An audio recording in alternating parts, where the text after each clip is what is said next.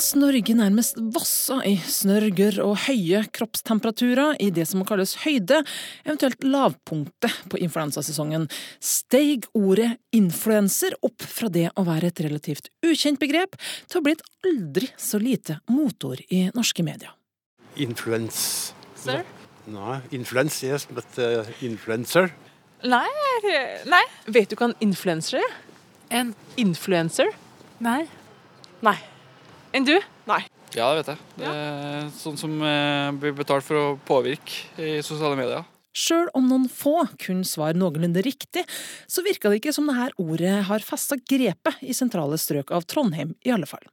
Men noen som jeg tenker må kunne definere det her for oss, er United Influencers. Et av byråene som driver med såkalt influencer marketing, her representert ved daglig leder United Influencers International, Louise Fuchs bare et menneske som når ut til flere enn eh, vennene sine. Så er det jo alltid noen mennesker som har eh, større påvirkning enn andre. Sånn som man har i blogging og i sosiale medier ellers. Sånn som vi alle kanskje hadde den i klassen som andre så litt opp til og forsøkte å kopiere. Hadde hun et veldig stort rødt skjerf, så var kanskje det litt kult og smittet over på, på andre. Så det er en, en, person innenfor et visst område eller fag da, som man eh, stoler på og lytter til. Men hvis man går inn på United sine nettsider og ser alle influenserne de har under sitt tak, så virker det som det området eller faget først og fremst er blogging. For Blogge-Norge har nemlig for alvor begynt å profesjonaliseres. Sjøl om det fortsatt er få som kan leve av blogging. Det er mye færre enn det man egentlig tror, eh, som virkelig tjener de gode pengene. Eh, det er kanskje et hundretalls i Norge. Det er nok flere journalister i Norge som lever av skrivingen enn det er bloggere. Om ikke et levebrød, så er det likevel mange som tjener godt på blogginga si, og det blir stadig mer penger å tjene på det. Det digitale reklamemarkedet finnes i utallige versjoner, og at også influencer marketing stadig stjeler reklamekroner fra mer tradisjonelle medier, ser United Influencers, som er inne i sitt fjerde år i bransjen. Vi vet jo at eh, det brukes rundt 19 milliarder i reklame Norge og at ca. 50% av det brukes på digitale medier, og det forventer man en økning i år fra år. Vi kan jo se at uh, byråinvesteringene generelt i sosiale medier øker, og at uh, når vi snakker med byråene, så vil de aller fleste legge flere penger på influencer marketing generelt, da ikke bare blogg. Og når vi snakker med kunder rundt omkring i hele Norge, så er det flere og flere som har en fast post som man bruker på influensemarketing. Og det er jo en ganske fersk bransje, eh, men likevel på få år så har man liksom sett et, et flutt i fokus. Men hvordan influenser eller blogger har mest påvirkningskraft? Er det den som har mest klikk og mest lesere, eller den som får mest medieomtale? Det er litt som å tenke hva, hvem har mest eh, makt, TV 2 eller VGTV. Det kommer litt an på hvem, hvem du vil nå. Eh, men jeg tror generelt igjen da, det er de som har delt og bydd litt på seg selv over lang tid, det er sannsynligvis de som har mest påvirkningskraft over tid. da. Hvis du ser litt tilbake i tid og ser på en, Det var en 14 år gammel jente den gangen fra Hønefoss som fikk onepiece-trenden til å ta av. Sånn at de to containerne som ble henta inn fra Kina, de var jo utsolgt på to uker. Eh, det var eh, Emilie Nering Voe som skapte den trenden. Så det ligger jo en enorm eh, påvirkningsmakt, da. Og en av de her influenserne er bloggeren Kristin Gjelsvik, som på søndag kveld vant prisen for årets influenser i kategorien livsstil, i det som før har vært kjent som Vixen Blog Awards, men som i år hadde skifta navn til Vixen Influencers Award. Og Gjelsvik brukte anledningen til å si ifra hva hun syns om Blogge-Norge og Medie-Norge i sin takketale. Og her har vi bloggere, influensere, et enormt ansvar. At media og bloggere tjener fett på unge jenters usikkerhet, det er det ingen tvil om. Og jeg kan faktisk overhodet ikke forstå at influensere som ukritisk deler nakenbilder rabattkoder på kosmetiske inngrep, et ekstremt overforbruk, faktisk får såpass mye spalteplass som de gjør. Du gikk jo ganske hardt ut i din takketale. Hvorfor uh, følte du på behovet for å si det du sa? Eh, rett og slett bare for, eh, fordi at eh, situasjonen er faktisk ganske kritisk. Altså antall jenter med psykiske lidelser, at dette øker. Og sånn burde det ikke være, og vi må ta ungdommen på alvor. Og det er i hvert fall det jeg gjør. Jeg tar mine lesere på alvor. Så får jeg altså henvendelser fra unge jenter, og gutter, spesielt jenter, da, men det er snakk om helt ned i tiårsalderen, sant, som sliter med eget selvbilde. Du er jo bare barnet, sant. Allerede der begynner de å stille spørsmål rundt kosmetiske inngrep. Jeg ser i kommentarfelt på altså verstingene der ute som reklamerer mye for Botox, fillers, alt dette sånn, så ser jeg disse barna skriver i kommentarfeltet 'Jeg gleder meg til jeg blir 18 år', sånn at jeg kan gjøre de samme inngrepene som deg. Sant? Og dette er også influensere, profiler, som får masse oppmerksomhet i media fordi de er så klikkvennlige. Og det er jeg dritlei av, eh, og derfor da eh, ønsket jeg å få det frem på scenen i går. Det har storma greit både etter og før denne prisutdelinga. Tidligere Skam-skuespiller og Vixen-nominert Ulrikke Falk trakk seg fra utdelinga gjennom sin kronikk hos NRK Ytring, fordi hun mente at for mange influensere brukte sin påvirkningskraft på ufornuftige måter. Men hun skrev også at Media er en del av problemet. De bidrar til å løfte frem tomme stemmer i offentligheten. Og Kristin Gjelsvik vil langt på vei støtte her utsagnet. Jeg er veldig enig i mye av det Ulrikke sier, og media har et vanvittig stort ansvar her. Og sånn som vi har sett den siste tiden, så blir det fokus på profiler som da fremmer et vanvittig kroppspress, du har bruk- og kostmentaliteten, og det er et vanvittig skjønnhets- og kroppspress i dagens samfunn. Og mye av dette her syns jeg da er et ansvar som hviler på media. For de kan velge hvilke, hvilke profiler de ønsker å fremme. Eh, og vi trenger eh, flere som Ulrikke Falk. Men det var derfor jeg også skulle likt å se henne på kåringen, for hun hadde, og hun vant jo pris. Og det er også et tydelig tegn på at vi kanskje beveger oss i en litt mer riktig og sunn retning. For på søndag kveld stilte verken Ulrikke Falk, som vant en av de gjeveste prisene, Årets influenser, eller Celine Karine Myhra, vinner av prisen innen kategorien Beauty, som også valgte å trekke seg fra kåringa. Hvordan opplevdes det for juryformann Hans Petter Nygaard Hansen å plutselig ha to priser til overs? Når publikum har stemt frem, og vi har gjort mye juryarbeide, og vi har funnet fram til verdige vinnere, så mener vi at det er feil av både hensyn til de som da ikke vant, og sånn sett fjerne vedkommende og bare si at eh, vedkommende eksisterte ikke. Eh, og sånn sett da bare plukke nummer to. Eh, jeg syns det er respektløst overfor publikum. Men vi må jo også, eller vi, vi måtte jo heller ikke respektere f.eks. av Ulrikkes Falk om å ikke motta en pris, men vi valgte å respektere at hun ikke ville ha pris. Derfor ga vi ikke ut en pris. Ulrikke Falk ble kåret til vinner i kategorien Årets influenser før hun valgte å trekke seg fra prisutdelingen. Det forandrer imidlertid ikke at hun fortjener hyllesten, men prisen deles altså ikke ut. Samtidig så mente vi at det var på sin plass å anerkjenne ulike folk som den påvirkeren hun er. Og Det samme gjaldt da den andre kategorien også. Vi prøvde å lande nå på en gyllen middelvei, hvor vi respekterte at ikke de ønsket å få pris, men samtidig at vi anerkjente eh, den jobben de har gjort. Men jeg syns hun fortjener en applaus allikevel. Nygaard Hansen, som til daglig jobber som kommunikasjonsrådgiver, har vært med i juryen for Vixen i tre år. I år har det vært mye kritikk både om nominasjoner, diskvalifikasjoner pga. brudd på markedsføringsloven, og påstander om at konkurransen er korrupt, fiksa eller at den kun fungerer som en trafikkgenerator for Vixen, siden avstemminga er en blanding av publikumsstemmer på Vixens nettside og juryens vurderinger. Hva tenker juryformannen om all denne kritikken som har kommet rundt prisutdelinga? Jeg tenker at det speiler litt av uh, interessen rundt uh, Vixen Influencer Awards. Det hadde vært uh, skuffende om ikke det var noe kritikk og ikke noe engasjement og ikke noe fokus på, på prisen i det hele tatt. Da hadde den heller ikke hengt særlig høyt for de som da vinner til syvende og sist. Også om det er Skal vi danse, hvor man har en sånn dommerpanel som vurderer, og så har man da fem kroner per SMS-stemme, så er det ikke så veldig mange som kritiserer liksom TV 2 eller NRK for hvordan, hvordan de kjører det her. Eh, så det har også blitt ganske så populært da, å kritisere eh, Vixen, fordi Vixen handler om bloggere eller influensere, og veldig mye av fokuset har jo da inntil de siste årene handlet veldig mye om kanskje da ikke alltid like sunne forbilder. gjør vi det her for at det skal være en trafikkgenerator for Vixen? Det syns jeg blir eh, det blir litt søkt egentlig som et argument for å kritisere det, eh, for å være helt ærlig. Hvorfor det? Nei, for igjen, jeg syns det, det hadde vært respektløst overfor publikum eh, om ikke vi skulle ha hørt på de i det hele tatt. Etter en del oppstyr rundt prisen i år, tenker de å gjøre noen endringer til neste år, forutsatt at Vixen fortsatt vil ha med Nygaard Hansen i juryen, vel å merke. Hvis jeg får lov til å være med, så har jeg vel kommet opp med et par ideer på hvordan vi ikke skal gjøre det. Og vi, tok nok og beit over kanskje litt for mye ved å si at vi skulle vurdere et helt år. Og så har jeg lyst til å utfordre kategoriene eh, i en større grad.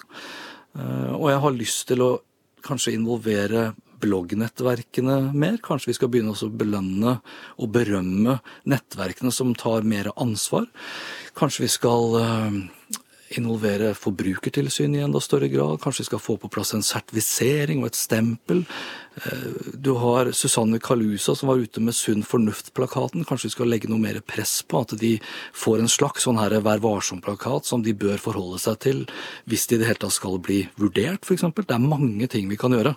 Men at vi skal gjøre noe, det er noe helt sikkert. Diskusjonen i Blogg-Norge over nominasjoner til Vixen gikk plutselig over til å bli en diskusjon om rolleforståelser ved å være en influenser, ved tidligere nevnte Ulrikke Falks kronikk. Og etter det raste fram og tilbake med innlegg fra ulike bloggere og influensere i tida før utdelinga. Hvorfor har dette skapt så mye engasjement, spør han som de siste tre årene har fått et ekstra innblikk i Blogg-Norge. Fordi de har så stor makt. Noen av, de har, altså, noen av de aller største er jo større enn de aller fleste avisene i Norge. Noen av de største har flere eh, seere på YouTube eller på Snapchat enn fleste te, altså enn mange TV-programmer. Så de har veldig stor makt. Og den makten må de bli mer bevisst på og håndtere på en forsvarlig måte. Vil du si at Vixen har fått noen gang så mye medieoppmerksomhet som i år? Jeg tror nok vi har fått ganske mye. Nå syns jeg jo mye av det har vært eh, Jeg skal ikke si unødvendig, men, og jeg skal heller ikke skylde på mediene, men det har vært mye som har vært veldig ensidig. eh, som jeg gjerne skulle sett at eh, enkelte medier kunne håndtert litt mer objektivt, istedenfor å velge seg ut en vinkling og kjøre beinhardt på det. Og vi kan jo ta da for eksempel Ulrikke Falk, da. Og når hun da skriver en kronikk da i NRK og blir omtalt uh, umiddelbart fordi Sofie Elise svarer uh, med sin kronikk, så er det da altså en bloggkrig med en eneste gang. Og hva meg bekjent er, så er ikke Ulrikke Falk en blogger, men det passer veldig godt narrativen, altså måten å fortelle historiene på, og måten å vinkle det på i mediene, så passer det som hånd i hanske. Men det gjør ikke influenser debatten, eller bloggdebatten, noe bedre. Det skaper egentlig bare en enspora eh, vinkling som mediene i altfor stor grad får lov til å styre, fordi mediene er redigerte, og får de liksom ikke den vinklingen de vil ha ofte, så klipper de bare det ned til å handle om akkurat det de vil. Daglig leder for United Influencers International, Louise Fuchs, er heller ikke helt fornøyd med mediedekninga. Nei, jeg syns jo egentlig også den har vært ganske ensidig med tanke på det jeg, nevnte, det jeg nevnte i sted, med hvor variert Blogg-Norge egentlig er. Da er det veldig lett å løfte de casene som kan virke, virke overfladisk, og det er veldig lett å skape en, eh, en bevegelse rundt, og det er eh, litt sånn eh, snevert. Og så er jo virkeligheten som vi ser, det er veldig mye mer variert. Du kan, som jeg sa, både like beauty og mote og være supersmart og politisk interessert. Så vi tror at det hadde vært fint hvis media også viste et litt mer bredt bilde av hva, hva Blogge-Norge og hva, hva influenserverden egentlig er, da. En ting er at det er bra at mediene f.eks. setter et kritisk søkelys på influensere eller bloggere som i mange tilfeller ikke er klar over den påvirkningskraften de har, og at mye av det som da kan bli formidlet gjennom disse kanalene, kan være direkte helseskadelig. Samtidig så har også mediene da et ansvar for å ikke overdrive den ensidige kritikken f.eks. av de samme bloggerne, som sjøl plutselig da blir å slite med egen syke, eget selvbilde, eh, og som begynner å utvikle liksom angst og depresjoner fordi medietrykket blir så sterkt. Og så har det jo da, som følge av den effekten som influenserne eller bloggerne har, så har det vokst opp da kommersielle interesser her.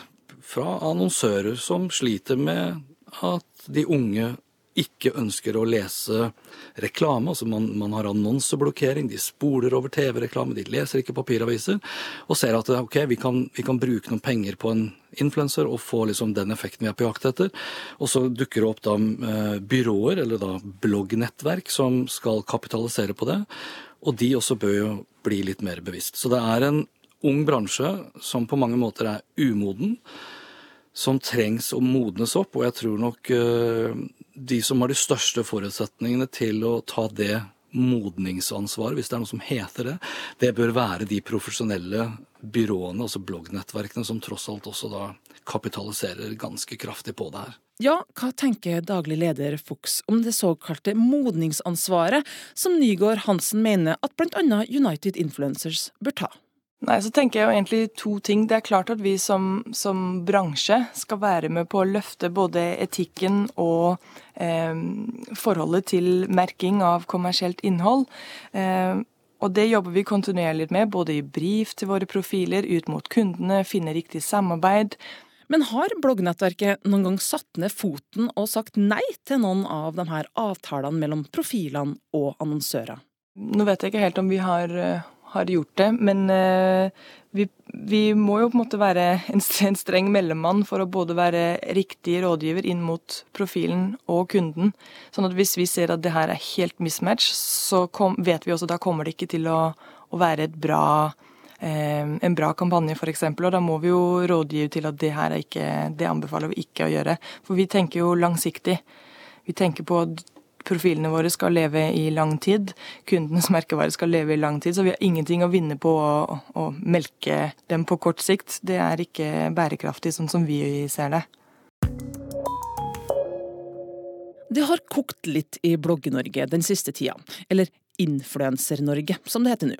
Og en del av ordskiftet har gått på rolleforståelsen og forståelsen av påvirkningskrafta man har som influenser. Men skulle ikke blogging få være litt fritt ungdommelig, da? Må man skrive og være så politisk korrekt? Eller kan det bare være navlebeskuende og tannbleikende? Spør jeg blogger Kristin Gjelsvik. Det kan ikke det lenger når det er blitt en såpass big business som det har blitt. Når man tjener millionervis av kroner på da unge jenters usikkerhet, som det faktisk har blitt, eh, da må vi faktisk sette ned foten og si at dette her er ikke noe vi, vi kan akseptere. Antall eh, jenter med psykiske lidelser sant, får en økning på 40% jenter i alderen 15 til 20 år. Og det tror jo jeg, uten å si det med 100% sikkerhet, kan skyldes sosiale medier. Sant? For de blir hver eneste dag møtt med en eller annen påminnelse om at du ikke er god nok som du er. Og det er et superstort problem, for overalt hvor du klikker det inn, så, ja, så kan du få hvitere tenner, du kan få lengre hår, du kan få finere hud, du kan bli slankere, du kan få fillers, og det kan du få rabattkode på i tillegg. Sant? Og det finnes ingen grenser for hva vi kan publisere. Mm. Men mm. du driver òg med skjønnhetstips. Altså, jeg var innom og kikka, da var det jo en Krølltang-film som du holdt på visst? Ja. ja. jo da. er, det, er det reklame eller sponsa, eller er det du sjøl som eh, Hvilken type film er det? Eh, ja, da er det jo faktisk Det er jo reklame. Det er det jo. Eh, men der er det også, for min del, veldig viktig å, å ja, igjen være mitt ansvar bevisst. Jeg reklamerer jo aldri for ting jeg ikke kan stå inne for. Og jeg syns også det er stor forskjell på å reklamere for en krølltang eller å reklamere for eh, nye lepper eh, med 15 rabattkode. Eh, det er en veldig stor forskjell der, og for guds skyld, vi skal få lov til å være litt fjollete, og vi, vi skal få sminke oss og, og, og være litt girly om vi ønsker det.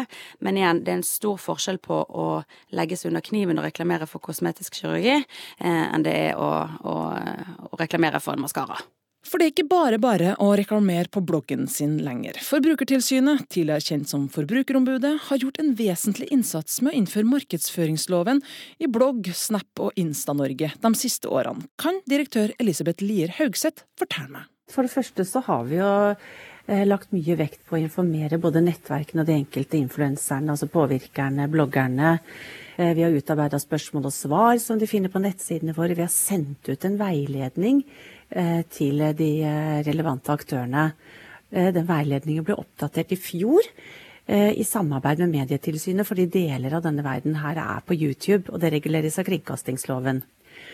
Og så har vi hatt flere tilsynsaksjoner gjennom de siste årene, og den siste ble gjennomført i oktober i fjor. Så undersøkte vi eh, sosiale mediene, altså profilene, 20 forskjellige profiler, og 18 av de avdekket vi lovbrudd på. Eh, og vi har gitt alle sammen beskjed om at eh, over nyttår så kommer vi til å gjennomføre en ny tilsynsaksjon. Og så fikk de også en frist på seg til å bekrefte at de hadde rettet opp og ordna det. Ja. Hvorfor er det så viktig at blogging skal følge markedsføringsloven? Ja, For det første så er det jo en næringsvirksomhet for veldig mange av disse her. Det er en forretningsvirksomhet, og mange tjener jo veldig mye penger. De har mange unge følgere som kanskje ikke er like bevisst om når de ser reklame når det er andre innlegg. Og så forholder følgerne seg til det på en annen måte. Så det er, blir nesten som å så nesten som de kjenner eh, aktørene, altså influenserne eller bloggerne. Dere har anledning til å gi ut bøter. Altså, hvor store bøter er det snakk om eh, at dere har mulighet til å utgi? Ja, Det avhenger av det enkelte tilfellet. Det, er, eh, det må være en konkret vurdering. Men mm. vi sier at en tommefingerregel er at det skal ikke lønne seg. Og da kan det være eh, vurderingstemaer som hvor stor omsetning har vedkommende hatt, hvor alvorlig er lovbruddet, hvor mange er det som er eksponert for reklamen, altså hvor mange følgere har de, den slags spørsmål. Så det vil være en, ja, en kombinasjon av mange vurderingstemaer. Mm, så liksom alt mellom 10 og 100 000, altså snakker vi i den kategorien at da begynner det å svi ordentlig? Ja, det tror jeg nok kanskje vi kan si uten at jeg tar for hardt i. Men, mm. men, jeg skal være forsiktig med å si noe beløp, for ja. det som sagt, det vil være helt konkret. Ja, For dere har ikke gitt ut en bot ennå, så dere har liksom ikke nei, vi har, nei. vi har ikke det. For vi har konsentrert oss om å, å gi god veiledning til, eh, til aktørene. Uh, og sørge for at de vet hva som skal til for at de holder seg innenfor loven. Vi er jo ikke opptatt av å klikke til med bøter og økonomiske sanksjoner. Det beste for oss er jo at folk vet hva loven sier, at de holder seg på riktig side av den. Jeg titter innom i dag egentlig bare for å snakke litt om hår. Kristin Gjelsvik har blogga siden 2009. Hvordan har det vært å måtte merke både Krølltang-filmer og andre innlegg som sponsa eller reklameinnlegg de siste årene? Jeg syns det er kjempefint at det blir satt et stort, eh, større fokus på at, eh, at all reklame skal merkes. Og det er jo verdens enkleste oppgave. Det er bare til å skrive annonse. Ferdig arbeid. Og hvorfor enkelte har så utrolig problemer med å gjøre denne der reklamemerkingen synlig nok, det kan jeg ikke fatte og begripe. Så jeg syns det er supert at de, at de eh, tar grep, og at de faktisk må begynne da med disse bøtene, og ikke la det bli med ord, men faktisk eh, gjøre handling ut av det hvis det er noen som faktisk ikke klarer å, å tilpasse seg og, og gjøre det de får beskjed om. Og for direktør Haugseth i Forbrukertilsynet virker ikke tanken på å skrive ut bøter i 2018 spesielt fjern. Så det som kan være en endring nå, er at vi har kommet til punkt hvor vi nå mener at det er mer aktuelt å reagere med økonomiske sanksjoner overfor de som fortsatt nå ikke forholder seg til loven. Eh, nå er det mange av aktørene som har bygd seg opp ganske lang erfaring, eh, blitt profesjonelle, og det er blitt en innbringende næringsvirksomhet. Så da forventer jeg også at de setter seg inn i relevant lovverk og følger det. Med nye og kjappe konkurrenter som Instagram, Snapchat og det neste nye i sosiale medier, er ikke blogging veldig avleggs. Er det noen lys framtid for blogging i Norge, spør jeg influencer-marketing-eksperten Louise Fuchs. Veksten i nyregistrerte bloggere har stagnert, men vi ser ikke noen, noen fall i trafikken, vel heller tvert imot. Ehm, men jeg tror vi kommer til å se at flere av bloggerne vil, ha, vil bygge seg flere ben å stå på, hvis man kan si det sånn. Og de i tillegg kanskje får en sterk Instagram-profil, eller eh, går over og youtubere i tillegg. Jeg tror eh, Blogg Norge har en eh, lang, lang og lys fremtid enda. Kommunikasjonsrådgiver Nygaard Hansen tør ikke å spå noe snarlig bloggdød, han heller. Det jeg tror er at hvis du sitter og skriver på en blogg og du ikke får noen lesere etter hvert, og du fortsetter å skrive, da er du kanskje død. så med alle disse kanalene så har det største skiftet kanskje blitt at avsender ikke lenger sitter med makten. Det er ikke avsenderen som setter premissene for hvilke kanaler du må være på. Så de som dør, det er de som tviholder på den gamle måten å gjøre det på, og som ikke hører og lytter og ser på de endringene som skjer rundt seg. De vil nok dø. Kristin Gjelsvik er ikke nådig mot Blogg-Norge, men har ingen planer om å slutte å blogge for de om. Jeg kan ikke si at jeg er blogger med stolthet, på en måte. Altså, Jeg er stolt av den jobben jeg gjør, men jeg må alltid forklare at ja, men jeg er ikke en sånn type blogger som bla, bla, bla. Eh, for blogg, det har, eh, det har ikke det beste ryktet på seg, og det med god grunn. Igjen, se på hva som blir fremmet i media, sant. Um, men jeg tror kanskje, og det var jo muligens uh, en endring som uh, startet, begynte i går, det var veldig mange gode, sunne forbilder som vant. Så kanskje vi faktisk er på vei mot en litt uh, ja, bedre bloggverden, da, hvis jeg kan si det sånn, med, med, flere flinke folk med store, sterke stemmer, og som faktisk er sitt ansvar bevisst. Og så tenker jeg også at aktørene på banen, altså disse her som velger å, å, å bruke penger på bloggere, også begynner å tenke litt over hvor de legger da markedsbudsjettet sitt fremover. Eh, for der ligger det også mye makt hos annonsørene, for også de kan bidra til å løfte frem eh, sunne, gode forbilder.